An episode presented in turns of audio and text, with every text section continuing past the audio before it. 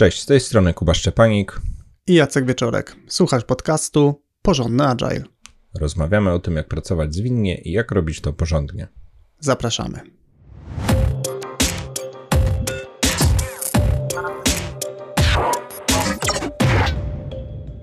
W dzisiejszym odcinku poruszymy temat e, pracy Agile Coacha nad zmianą.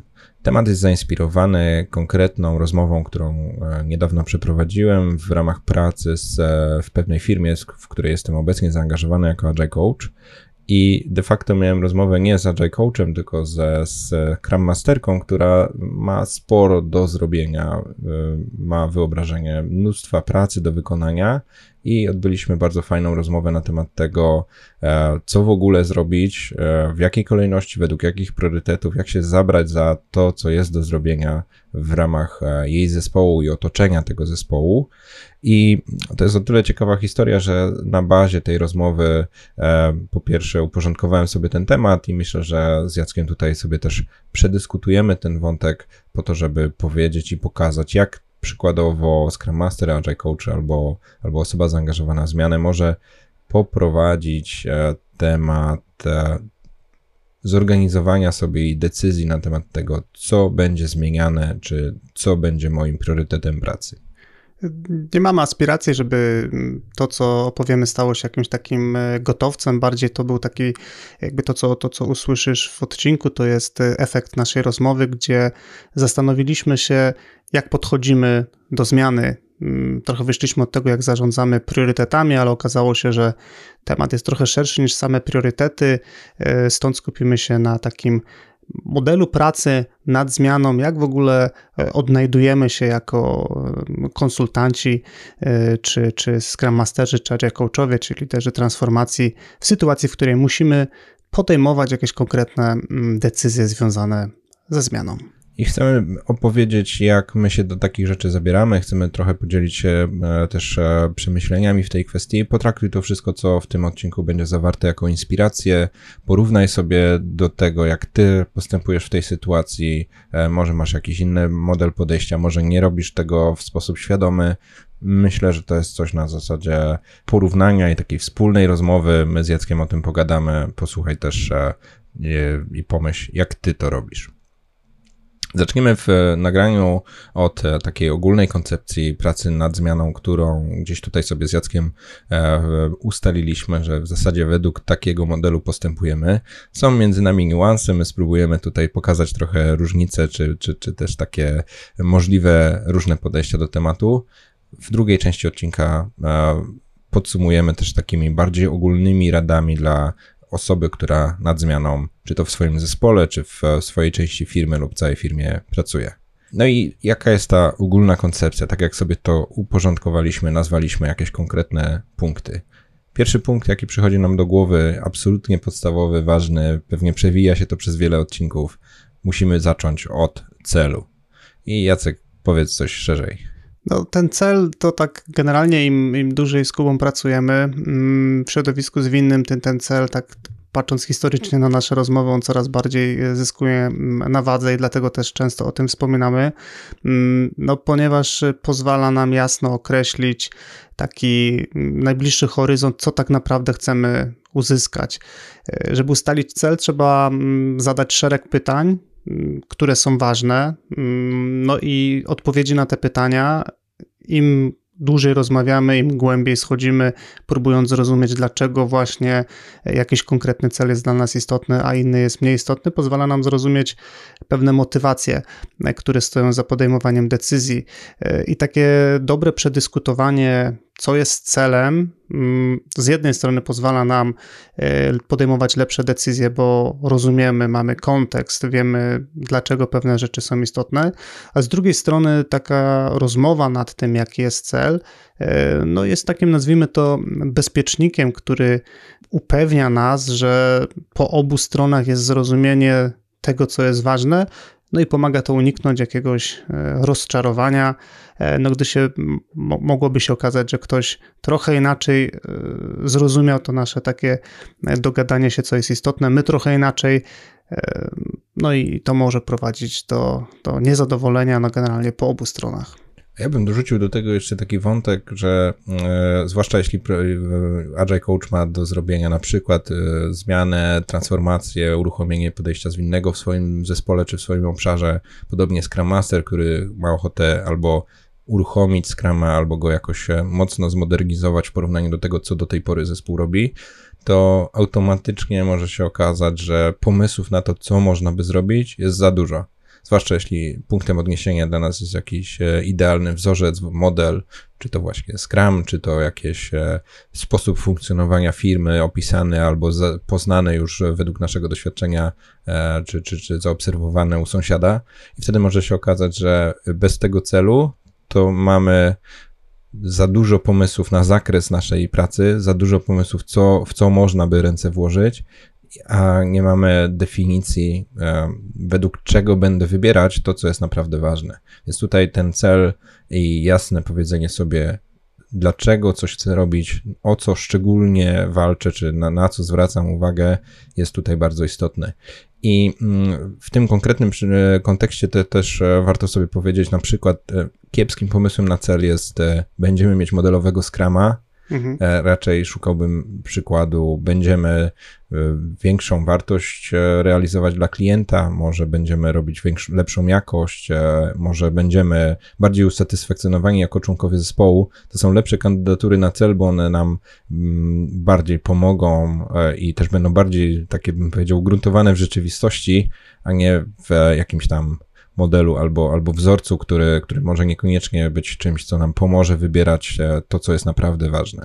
I chyba tutaj do tego tylko bym dołożył taką e, inspirację, z której e, no, od dłuższego czasu już korzystam i, i, jakby zaskakuje mnie mnogość obszarów, w których to podejście ma wartość. To jest proste podejście, które można streścić na, na jednej kartce, ale jest cała książka o tym napisana. To jest Simon Sinek, książka nazywa się Start with Why. Dobra, to jak już mamy zdefiniowany cel, to następny krok, który nam przychodzi do głowy, gdy organizowałbym pracę Agile Coacha, gdy sami sobie tą pracę organizujemy, no to to jest ten punkt, w którym akurat z Jackiem mamy tutaj lekko zniuansowane. Ja zacznę od swojej wersji. Gdy już wiem, jaki mam cel, to następną rzecz, którą bym zrobił, to zbudował sobie jakiś mentalny model tej rzeczywistości, z którą się mierzę mierze. I tu mam na myśli coś takiego, że jeśli na przykład e, wspieram jakiś zespół, to próbuję sobie zdefiniować jakieś takie zmienne czy czynniki, które sprawiają, że ten zespół funkcjonuje. I to będą zmienne i czynniki takie jak e, przewidywalność pracy zespołu, jakaś sposób komunikacji, jakość pracy tego zespołu, ale też czynniki dookoła niego, jak wpływa na niego management, jak wpływa biznes, w jakim otoczeniu ten zespół też innych zespołów funkcjonuje, czyli E, rozpoznałbym to, gdzie jest e, ten zespół i jakie ma konkretne takie, powiedzmy, zasady działania i jakie tu są mechanizmy, które powodują, że ten zespół funkcjonuje tak, a nie inaczej. Będzie mi to potrzebne do następnego kroku, ale tutaj jakby w tym etapie to jest taka trochę analiza rzeczywistości i moja własna interpretacja tego, co tu funkcjonuje. Jeśli mam oczywiście po drugiej stronie tam, gdzie pracuje na przykład Scrum Mastera albo menedżera lub nawet i cały zespół, który jest gotowy na taką powiedzmy abstrakcyjną rozmowę, to fajnie to zrobić razem.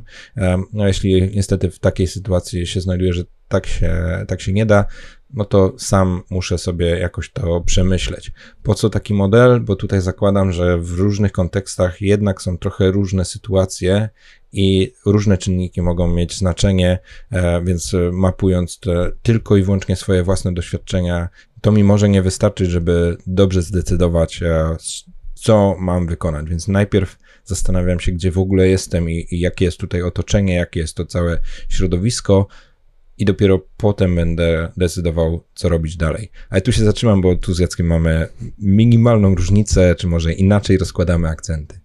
Tak, y, no właśnie, to jest, to jest ciekawe w sumie, bo e, może to jest zniuansowane tylko dla nas, e, no ale, ale w sumie fajnie, że, że o tym rozmawiamy.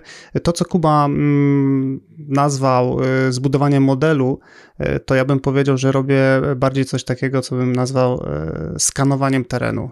No i być może to jest tylko jakaś taka różnica w doborze słownictwa, ale mm, gdybym miał trochę pogłębić, to, to jak ja rozumiem tą różnicę, to z mojej perspektywy to, o czym powiedział Kuba, jest takie trochę bardziej analityczne, może momentami bardziej abstrakcyjne. Natomiast to, co, to, co ja zazwyczaj robię, to jest takie potocznie bym powiedział, rozejrzenie się naokoło, czyli e, patrzę na sytuację, w której się znajduję, patrzę na to, jakby co mam do dyspozycji, kto znajduje się tutaj na tej, e, nazwijmy to, e, planszy. No i na bazie tego, co widzę, zastanawiam się, mając ten zdefiniowany w kroku pierwszym cel, które elementy powinienem dotknąć, z kim powinienem porozmawiać, na czym powinienem się skupić. Tak więc y, mm, z mojej perspektywy jest to mniej takie zaawansowane, bym powiedział, w porównaniu do tego, co, y, co powiedział y, Kuba. Jest takim bardziej, bym powiedział, z mojej perspektywy, takim bojowym rozpoznaniem rzeczywistości. Dobra, i tutaj e, pewnie dla niektórych to jest za mało zróżnicowane, ale załóżmy, że jest albo wersja moja, albo wersja Jacka, czy to, czy to bardziej analitycznie model, czy bardziej takie rozejrzenie się, czy, czy rozpoznanie. W efekcie tego w każdym razie na pewno mamy jakiś pomysł, czy jakieś wyobrażenie, e, gdzie się znajdujemy i następnym krokiem, który mi przychodzi do głowy jako taki no, potrzebny, to jednak pewna decyzja, wybór. W moim przypadku, gdy mam ten model, gdy mam te czynniki, które wzajemnie wpływają na siebie, E, no to na bazie swojego doświadczenia, na bazie też tego rozeznania, które wykonałem w poprzednim kroku, po prostu trzeba wybrać e, jakiś obiecujący czynnik czy obiecujący obszar. I to mocno podkreślę, że to raczej będzie coś abstrakcyjnego. Jak użyłem tych przykładów, to na przykład e, warto spróbować poprawić przewidywalność pracy zespołu albo poprawić jakość pracy zespołu a niekoniecznie skupić się tak bardzo geograficznie, że teraz pracuję na przykład tylko z deweloperami albo tylko z product ownerem, bo może się okazać, że pracować nie muszę z całym systemem i z product ownerem i z e, deweloperami i z otoczeniem zespołu, ale skupiać się będę na jakimś wybranym aspekcie, który dla mnie jest najbardziej obiecujący, czyli e, w tym, w poprzednim kroku zbudowałem sobie jakąś hipotezę na temat tego, co powinno być e, obiecujące, czy co powinno poprawić sytuację, doprowadzić mnie do tego celu w ogóle z pierwszego punktu, o którym rozmawialiśmy i na tej bazie decyduję się, że z tym zespołem wszystkiego naraz nie dam rady zrobić, to spróbujemy głównie skupić się na jakimś wybranym aspekcie i zobaczymy, gdzie nas to poprowadzi. To tutaj myślę, że to może bardziej u nas jest mm, różnica taka doboru słownictwa. Ja bym powiedział, że to jest pewien obszar do poprawy. Jak mówisz na przykład o poprawie e, przewidywalności, e, no to mi automatycznie się zapalają w głowie takie, takie lampki jak e, sam, sam proces planowania, jakość backlogu produktu, postawa zespołu, postawa product ownera, podejście do jakiekolwiek formy mierzenia, posiadanie danych historycznych, ale też na przykład jakieś uwarunkowania systemowe, czyli na przykład e, duża presja z organizacji, żeby brać dużo.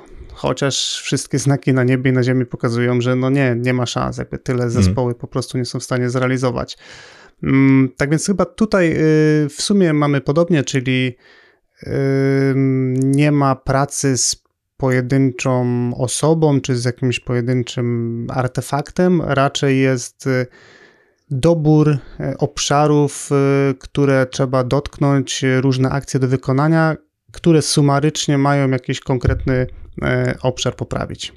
Dobra. I jeśli już e, wybraliśmy albo tą zmienną według bardziej modelu analitycznego, albo konkretny obszar, to następny krok jest już tutaj ewidentnie dla nas wspólny, coś, co mocno rekomendujemy, oczywiście wymagało to chwili, żeby sobie to dopracować, to nie mamy tego od pierwszego dnia, e, no to to, co będziemy realizować, jak widzimy świat wokół nas, jak widzimy też ten świat w tym zespole, z którym pracujemy, czy z tą częścią firmy, koniecznie trzeba zakontraktować.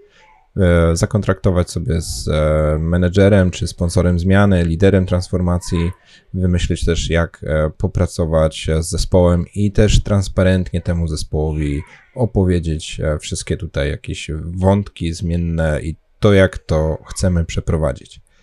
Skomentuj to szerzej, proszę.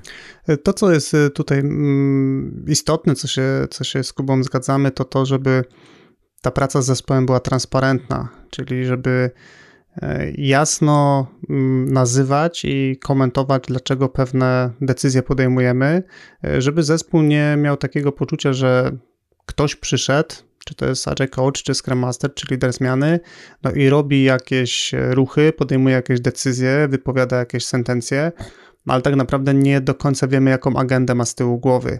Wielokrotnie w swoim doświadczeniu spotykałem się z taką sytuacją, w której zespół tracił zaufanie do Scrum Mastera, między innymi przez to, z mojej perspektywy, y, patrząc na tą sytuację, y, że Scrum Master nie toczył tej gry w sposób y, transparentny, w sensie no, gry, gra zabrzmiała tutaj pejoratywnie, ale po prostu ta współpraca z zespołem trochę była na takiej zasadzie, mocno przerysuję, ale bardzo dobrze wiem, co mam robić, nic wam nie muszę tłumaczyć, po prostu podążajcie za moimi wskazówkami. W szczególności w zespołach, które są dojrzałe, może się pojawić takie uczucie, e, a dlaczego, a po co, a kim ty jesteś. I uważam, że to są takie całkiem zdrowe odruchy. Tak więc y, y, jasne mm, jakby na, na metapoziomie tłumaczenie, dlaczego pewne rzeczy się e, dzieją albo dlaczego pewne rzeczy wykonujemy, mm, no, jest istotnym punktem, który nadaje kontekst naszym działaniom i z mojej perspektywy też włącza zespół i angażuje e, w zmianę i wtedy oni są faktycznie e, uczestnikami i aktywnymi graczami w tej, w tej zmianie, a nie tylko, że my ich zmieniamy. Tak więc hmm. taki niby drobiazg, ale jednak e, bardzo istotny. No, użyłeś tego przykładu, że w szczególności zaawansowany zespół może się czuć nieswojo w takim, e, w takiej sytuacji nietransparentnej, ale nawet zespół bardzo początkujący, myślę, że tak intuicyjnie poczuje, że coś jest nie w porządku. Poczuje albo manipulację, albo jakieś takie poczucie wyższości tego kogoś, kto robi zmianę nad tymi, którzy się mają zmieniać. I tutaj i Scrum Master, i Agile Coach, i konsultant, i lider zmiany, wszyscy mogą wpaść w taką bardzo dużą pułapkę, nawet nieświadomą, albo wcale, wcale nie, nierealizowaną intencjonalnie, że ja tu wiem lepiej, ja tu jestem kimś e, bardziej zaawansowanym, mądrzejszym, e, zrobię wam dobrze, tylko to później w praktyce jest bardzo trudne do realizacji, bo będziemy temu zespołowi przerywać, będziemy temu zespołowi dawać feedback, będziemy temu zespołowi e, proponować jakieś alternatywne podejście i realizację tego, jak działają i może się okazać, że y, odrzucą wszystko to, co mamy, nawet jeśli to jest obiektywnie dobre, tylko dlatego, że robimy to z pozycji siły, z pozycji pozjadania wszystkich rozmów. Zdecydowanie, no nie ten kierunek e, bardzo ogranicza naszą skuteczność. To, że nie umiemy transparentnie nazwać i pokazać tego zespołowi, czy, czy, czy firmie, czy części firmy, w zależności od tego, z kim pracujemy. Kolejny punkt to wykonywanie w małych iteracjach takich, nazwijmy to, bezpiecznych eksperymentów, czyli e, kiedy wiemy już co, kiedy wiemy jaki jest cel, rozeznaliśmy otoczenie, wybraliśmy sobie jakiś taki aspekt, na którym chcemy pracować, zespół wie, że będziemy to robić, to jest dogadane też na poziomie menedżerskim, no to to jest ten moment, kiedy faktycznie zaczynamy pracować nad zmianą. I celowo tutaj mm, mówię i będziemy mówić o eksperymentach, e, jako że zwykle zmiany, których doświadczamy z Kubą, e, no są co najmniej e, złożone, czyli trudno patrząc na zmianę, mieć stuprocentową pewność, albo w ogóle pewność, że jakieś tam rzeczy, które zadziałały nam w przeszłości, w innych kontekstach, w innych organizacjach, w innych zespołach, no że przełożone jeden do jeden będą funkcjonować. To jest jakby jeden aspekt. Drugi aspekt jest taki, że ja bardzo lubię, mm, kiedy rozmawiam z zespołem, mówić bardziej o eksperymentach, na które się umawiamy, niż o zmianie sposobu pracy.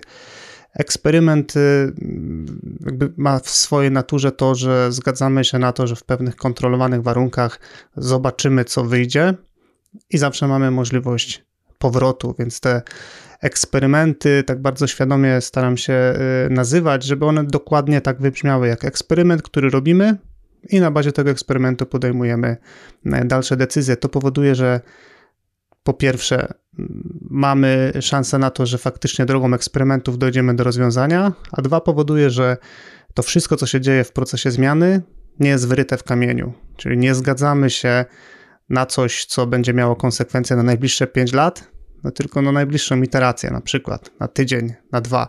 No I widzę, że takie podejście do sprawy powoduje, że kiedy w zespole jest y, niepewność, czy to aby na pewno jest najlepsze rozwiązanie, no to taka świadomość, że to jest odwracalne, powoduje, że o wiele łatwiej jest się na taką zmianę, na taki eksperyment zgodzić. E, argumentów za tym, żeby nazywać te zmiany, które proponujemy, czy które razem wymyślamy z zespołem, e, nazywać to eksperymentem, jest, jest, jest więcej. Więcej i przede wszystkim rzecz, która mi przychodzi do głowy jako kolejny powód, żeby nazywać to eksperymentem, traktować jako eksperyment, jest taki, taki, takie zagadnienie um, wiarygodności.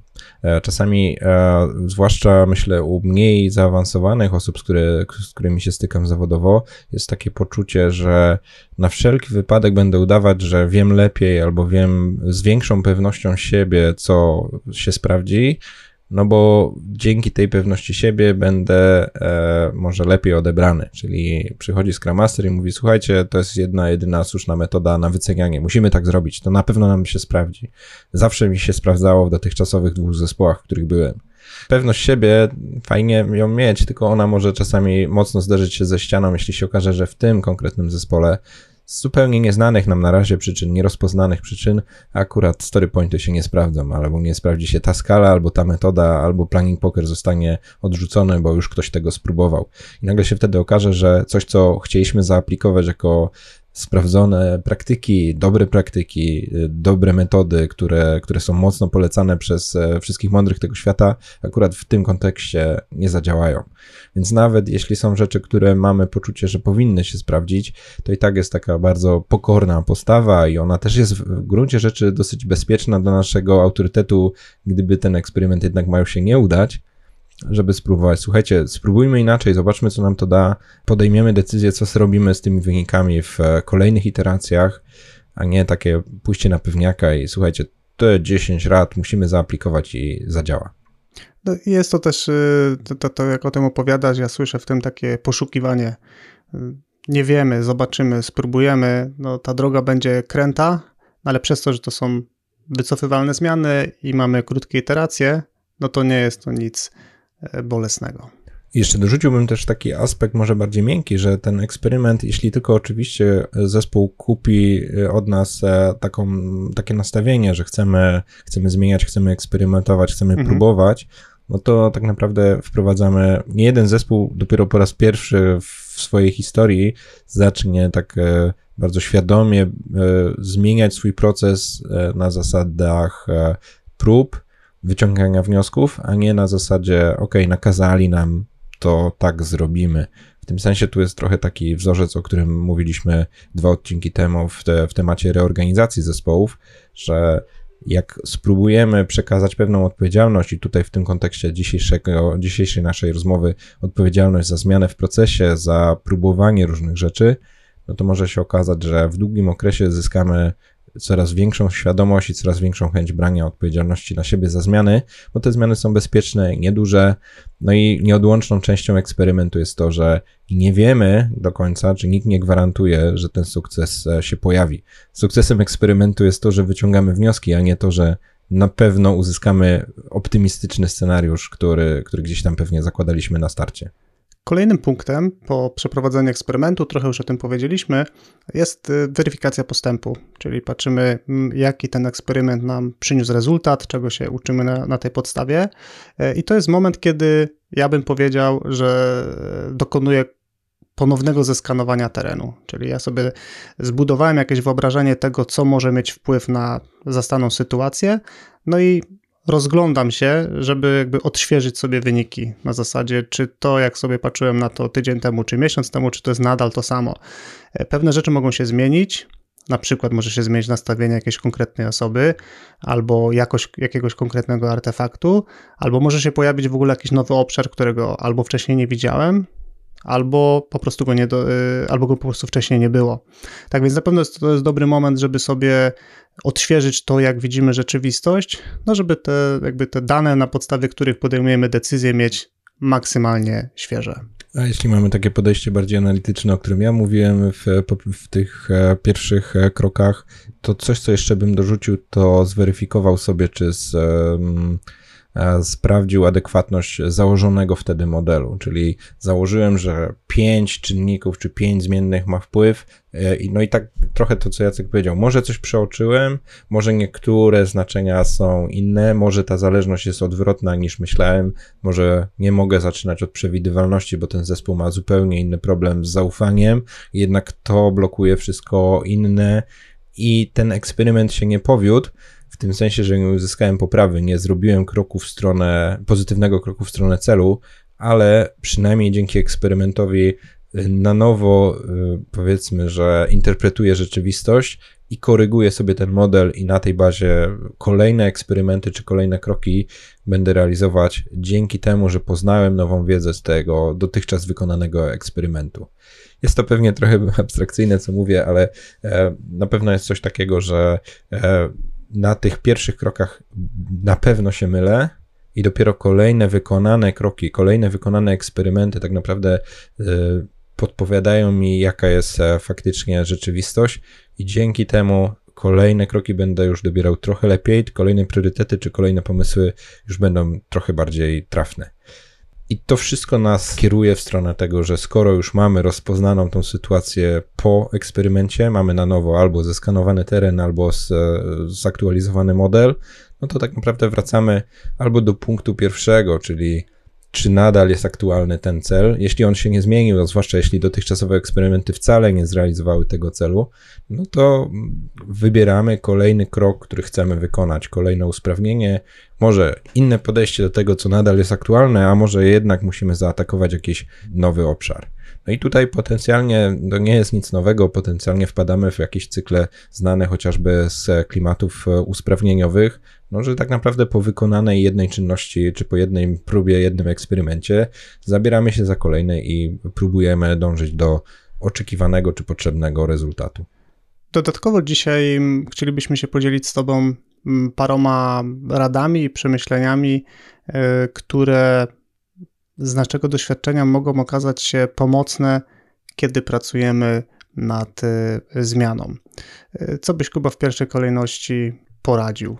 No tutaj odezwie się mocniej moje serce kanbanowe, bo pierwsza rzecz, najważniejsza, która mi przychodzi do głowy, na razie o tego tak mocno nie wspomnieliśmy, ale to jest zdecydowanie limitowanie zmiany E, ograniczenie pomysłów, czy ograniczenie jednocześnie uruchamianych eksperymentów, hipotez, e, zmian w podejściu do pracy, ograniczenie, a może nawet zlimitowanie maksymalne aż do, aż do jednej zmiany toczącej się jednocześnie, e, żeby no, uzyskać parę istotnych spraw. Przede wszystkim, żeby skupić swoją energię na tym, co naprawdę uznajemy za najważniejsze i nie rozpraszać swoich wysiłków, to na poziomie takim bardzo praktycznym jest jednym z możliwych kłopotów e, czy Scrum Mastera, czy Agile Coacha, że tyle rzeczy dzieje się na, naraz, że one wszystkie są realizowane jakoś tak pobieżnie, nie do końca z przemyśleniem ale to jest też ta strona no, zmieniającego się organizmu, czy to zespołu, czy, czy firmy.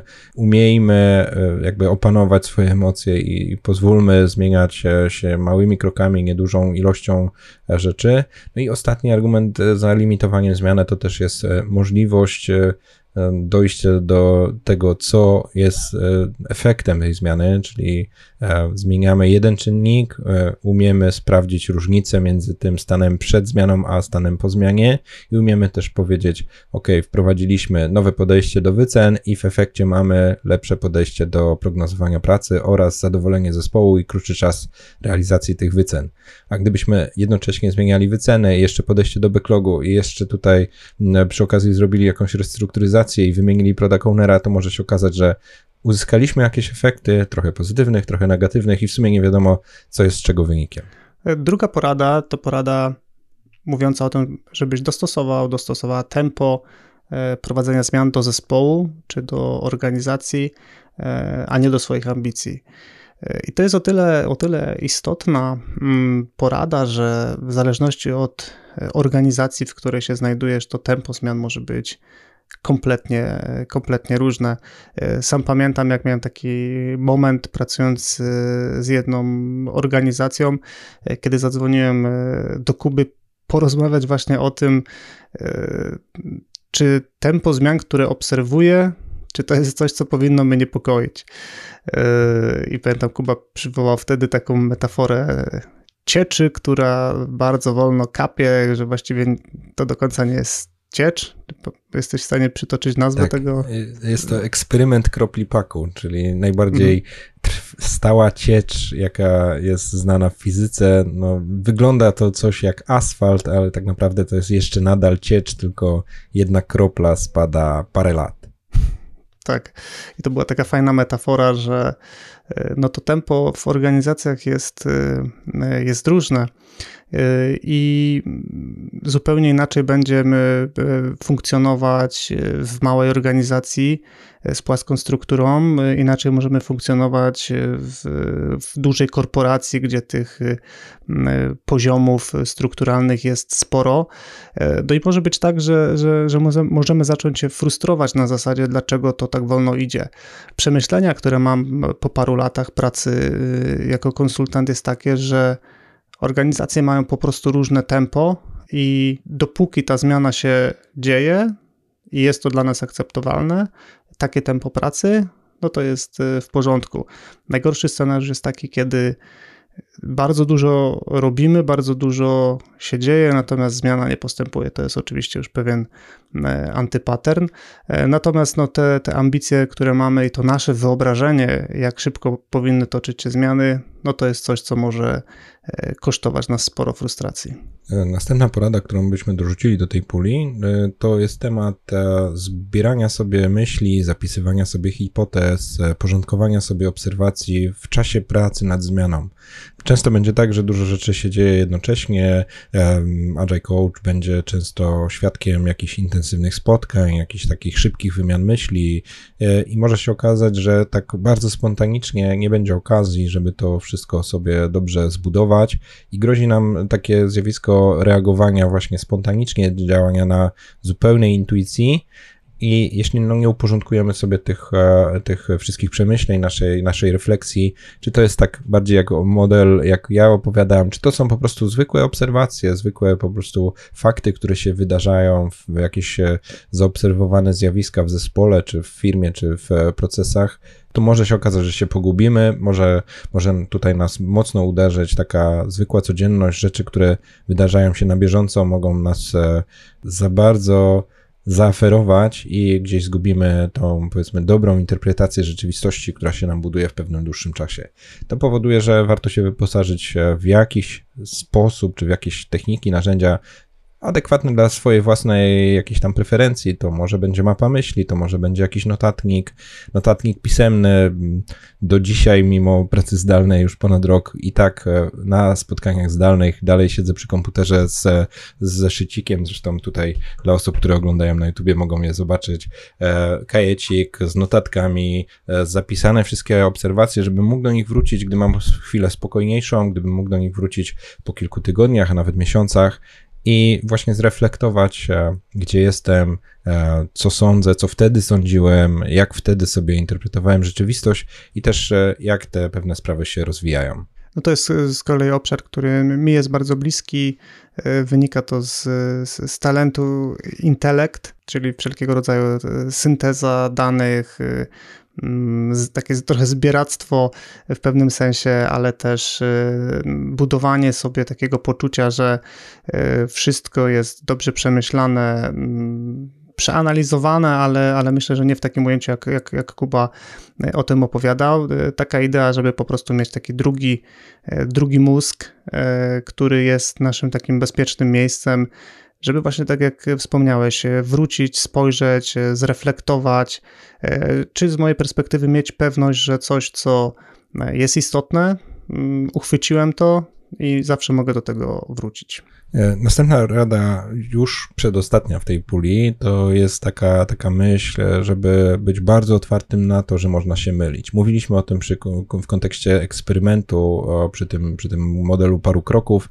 Jeszcze raz to mocno powtórzę, że e, prawdopodobnie będę się mylił. I to nawet mimo wieloletnich doświadczeń, pracy z różnymi organizacjami, różnymi zespołami, dalej, dalej to mam i wiem, że naj, najbardziej doświadczeni też to mają. Nie zawsze trafimy, nie zawsze dobrze zinterpretujemy rzeczywistość, a nawet gdy mamy dobry pomysł, to po prostu okoliczności, w której zmiana się toczy, wpłynęły na ten pomysł i on się nie powiódł, nie udał się i będziemy musieli się jakoś tam poprawiać czy korygować. To jest o tyle istotne, że czasami e, a propos frustracji, o której mówiłeś, związanej ze tempem zmiany, kolejną frustracją, jaką możemy mieć, to właśnie nieskuteczność zmiany, czyli książka mówiła, że się powinno sprawdzić, e, kolega doradzał, że powinno się sprawdzić. Ja sam w poprzedniej firmie to zrobiłem i mi się sprawdziło, a teraz to próbuję zrobić i mi się nie sprawdza.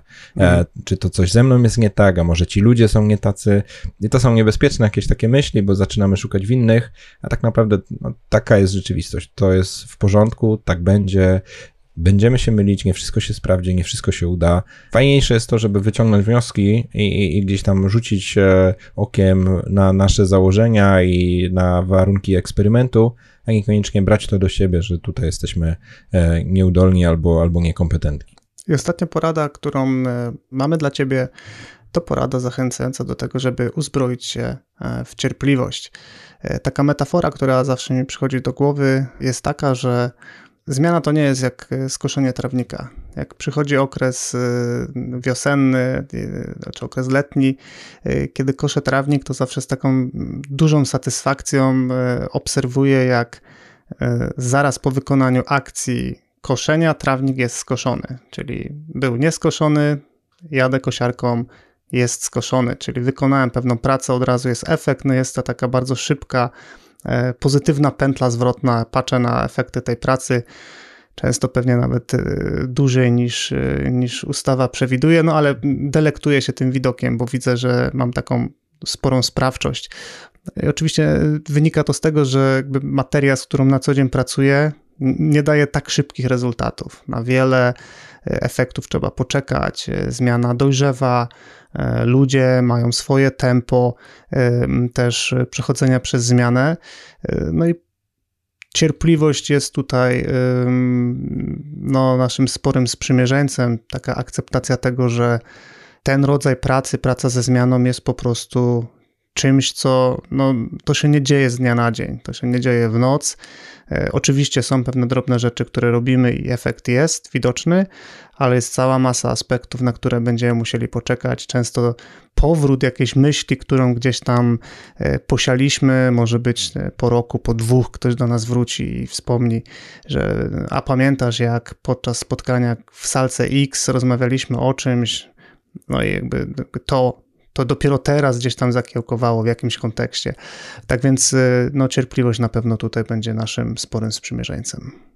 I to, co mówisz o tym powrocie po roku czy dwóch, to też jest jakiś taki dodatkowy aspekt, czy dodatkowy taki smak, który dopowiem, że czasami jest też tak, że na daną zmianę po prostu musi być właściwy moment. I wielokrotnie się łapię na tym, że moja praca mm, trochę przypomina klimat e, drążenia skały przez e, krople wody, czyli wielokrotnie powtórzone jakieś czynności, różne pomysły zaatakowania tematu, nie tylko przeze mnie, ale przez jeszcze kolejnych sojuszników e, zmiany i dopiero po wielu miesiącach, kwartałach, a czasem nawet latach zaskoczyło. E, I, I, czasami e, można mieć do siebie w takich momentach wyrzuty. Sam też je kiedyś miałem. Teraz o wiele częściej osoby, z którymi współpracuję, mają taki, taką refleksję, że kurczę, ja już dwa lata o tym mówię, a ty teraz przychodzisz i coś doradzasz i to tak nagle siada i tak e, miękko jednak jest przyjmowane.